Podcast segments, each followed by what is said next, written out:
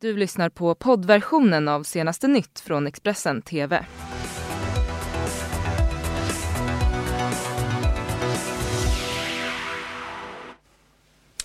God morgon och välkomna till senaste nytt här i Expressen TV med de största nyheterna från Sverige och från världen. Det här är våra topprubriker den här morgonen. 79-åriga Grazinia och 74-åriga Kjell mördades i sin bostad i Arlöv. Allvarlig bilolycka i natt utanför Stockholm. Och första kvinnliga rymdpromenaden för Jessica Meir närmar sig. Ja, det är morgonens eh, topprubriker. Välkomna till senaste nytt. En tonåring fördes igår kväll till sjukhus efter en skottlossning i stadsdelen Öxnehaga i Huskvarna. Det rapporterar P4 Jönköping. Polisen bekräftar att det rör sig om en skottlossning och att en person har förts till sjukhus. Enligt uppgift ska maskerade personer ha avlossat flera skott. Tonåringen uppges inte ha fått livshotande skador. Den turkiska offensiven i norra Syrien har pågått i en vecka och president Erdogan har som mål att upprätta en 30 kilometer bred säkerhetszon längs hela den turkisk-syriska gränsen. Sedan offensiven inleddes har fler än 300 000 människor drivits på flykt enligt AFP. Men under torsdagen så möttes USAs vicepresident Mike Pence och Turkiets president Erdogan och efter mötet så meddelade vicepresidenten att länderna nu nått en överenskommelse. Uh, I'm proud to report, thanks to the strong leadership of President Donald Trump and the strong relationship between President Erdogan and Turkey and the United States of America, that today the United States and Turkey have agreed to a ceasefire in Syria. Under torsdagen möttes USAs vicepresident Mike Pence och Turkiets president Erdogan för att prata om Turkiets offensiv i Syrien. Efter att mötet avslutades lämnades beskedet att en överenskommelse har gjorts mellan Turkiet och USA som innebär en fem dagar lång vapenvila. Enligt Mike Pence är länderna fortsatt överens om att den säkerhetszon som Turkiet planerat för fortfarande kommer att behövas. Däremot ska offensiven genomföras på fredligt vis. Men vicepresidenten var tydlig med att beskedet inte innebär att USA kallar in några militära styrkor i norra Syrien. Istället kommer stödet att komma i form av diplomatisk och politisk hjälp.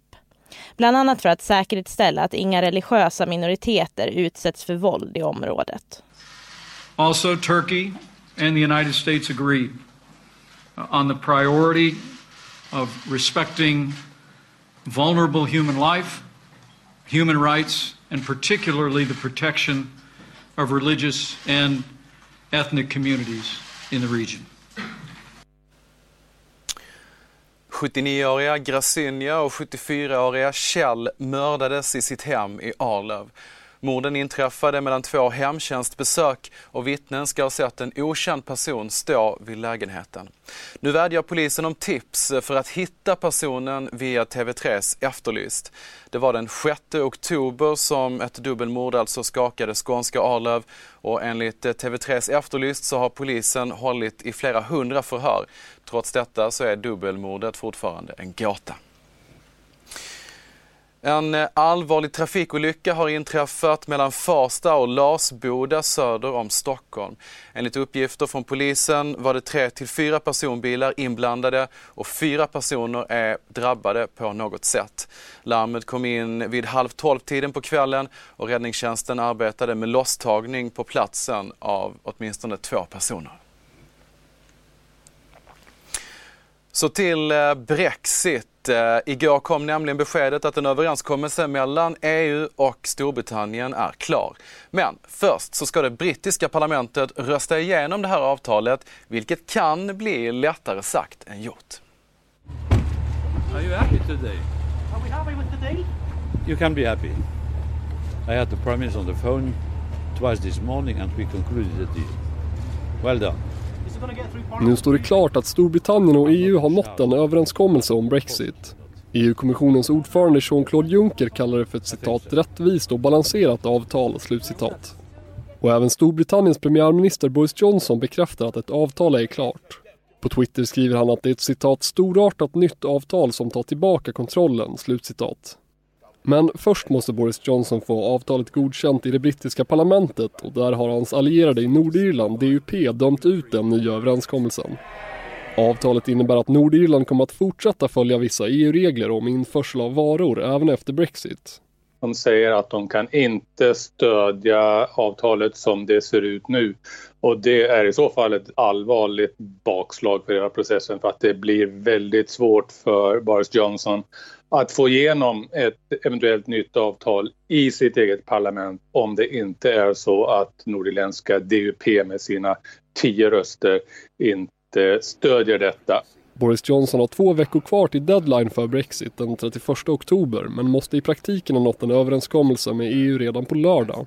Detta eftersom parlamentet har röstat igenom ett krav på att han annars då måste be om mer tid för utträdet. Sverige toppar listan över länder med högst anseende i världen. Detta enligt den årliga rapporten från Reputation Institute enligt TT. Det är andra året i rad som Sverige rankas högst i världen, bland annat för att Sverige anses vara vackert, transparent och ha en vänlig befolkning och en eh, säker rättsstat.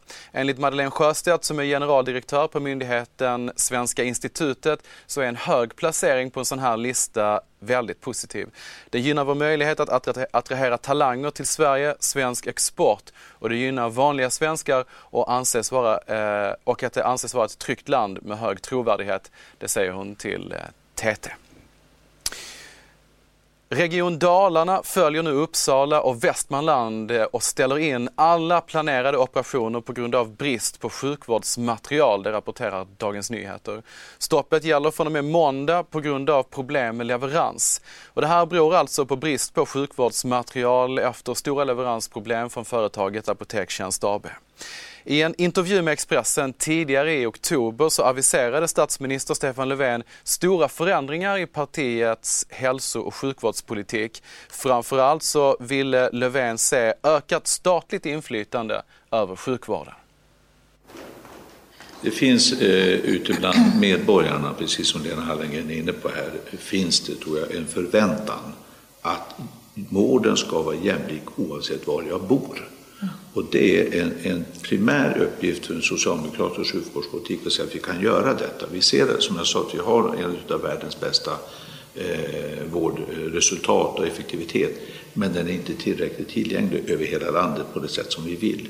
Då är det statens uppgift att se till, och det är regeringens uppgift att se till, att vi kan titta på medborgarna över hela landet och säga vi har en jämlik vård i Sverige. Där är inte vi idag. Vi tänker ta den ledarrollen och då vi tror dessutom att vi kan göra det mycket bra samarbete med regioner och landsting. Eh, just eftersom det finns en ansvarsfördelning här. Deras eh, roll är ju inte mindre betydelsefull för det. Men det kanske är några saker. Jag tror ingen skulle ifrågasätta eh, till exempel utbildningssatsningen. att vi, att vi ser till att det finns kompetent personal i vården. Det skulle ingen ifrågasätta att det är liksom ett statligt ansvar. Eller att vi skjuter till pengar. Frågan är, finns det annat också som vi kan göra? I samarbete med regionerna. Men det finns ingen tvekan om att en socialdemokratiskt ledd regering kommer att sätta eh, jämlikheten i vården i första rummet. Demokraterna var Donald Trumps största måltavla när han höll ett kampanjtal i natt i Dallas inför drygt, drygt 20 000 åskådare. Oppositionen har inte en chans i valet 2020, menar presidenten. They want to impose an extreme agenda They cannot pass it and they cannot win it at the ballot box. They're not going to win. They're not even going to. They won't. Svensk-amerikanska astronauten Jessica Meir ska ta sina första steg i rymden nu på fredag. Det blir dessutom den första helkvinnliga rymdpromenaden eftersom att Meir då får sällskap av Kristina Koch som tidigare gjort tre stycken rymdvandringar. De två ska ersätta en trasig styrenhet som kontrollerar kraftöverföringen för nyinstallerade litiumjonbatterier. Och vad är det då som väntar Jessica Meir och varför blev den här efterlängtade rymdpromenaden egentligen uppskjuten? För det har den blivit. Det svarar Dag Linnarsson, professor i baromedicin på när han gästade direkt med Niklas Svensson fortsätter att byta en antal batterier. Det finns alltså ett antal gamla eh, nickelhydridbatterier eh, som är kopplade till solpanelerna och de ska bytas ut. Det låter ju mot, ganska enkelt Mot egentligen. litiumjonbatterier. och nu var det så att när de gjorde det här den 11 då så skulle starta igång det så var det ja, en komponent, jag är ju inte ingenjör, men som påminner om ett laddningsrelä på bil, i bilen som ska växla mellan laddning och urladdning och eh, som krånglade. Och det ska de byta antingen på torsdag eller fredag. Mm. Och det som gör ändringen i schemat är att från början hade det bara varit rutinmässiga batteribyten som har liksom gått som på räls. Men nu ska de göra en helt oväntad och oförutsedd en man i 25-årsåldern är eh, anhållen, är anhållen för grov stöld eh, men lyckades under torsdagskvällen rymma från en polistransport i Solna. Mannen har kopplingar till ett kriminellt nätverk i nordöst, nordvästra Stockholm. En anhållen man har rymt från en polistransport mellan polisstationerna Kronoberg och Tegen. Han söks nu av polisen men det är oklart hur mannen har kunnat rymma från transporten och spåren efter rymlingen slutar i Solna i närheten av pendeltåget och tvärbanan. Mannen är i 25-årsåldern och anhållen för grov stöld och han har kopplingar till ett kriminellt nätverk i nordvästra Stockholm. För några år sedan dömdes han till tre års fängelse för bland annat grov narkotikabrott. Enligt domen hade han en ledande roll i ett nätverk som under lång tid urskillningslöst sålt narkotika. Han dömdes samtidigt för att ha hotat att skära halsen av en kriminalvårdare när han satt häktad. Stanna kvar i Expressen TV, vi är strax tillbaka igen med fler nyheter. Du har lyssnat på poddversionen av senaste nytt från Expressen TV. Till förordnad ansvarig utgivare är Klas Granström. Ett poddtips från Podplay. I fallen jag aldrig glömmer djupdyker Hasse Aro i arbetet bakom några av Sveriges mest uppseendeväckande brottsutredningar.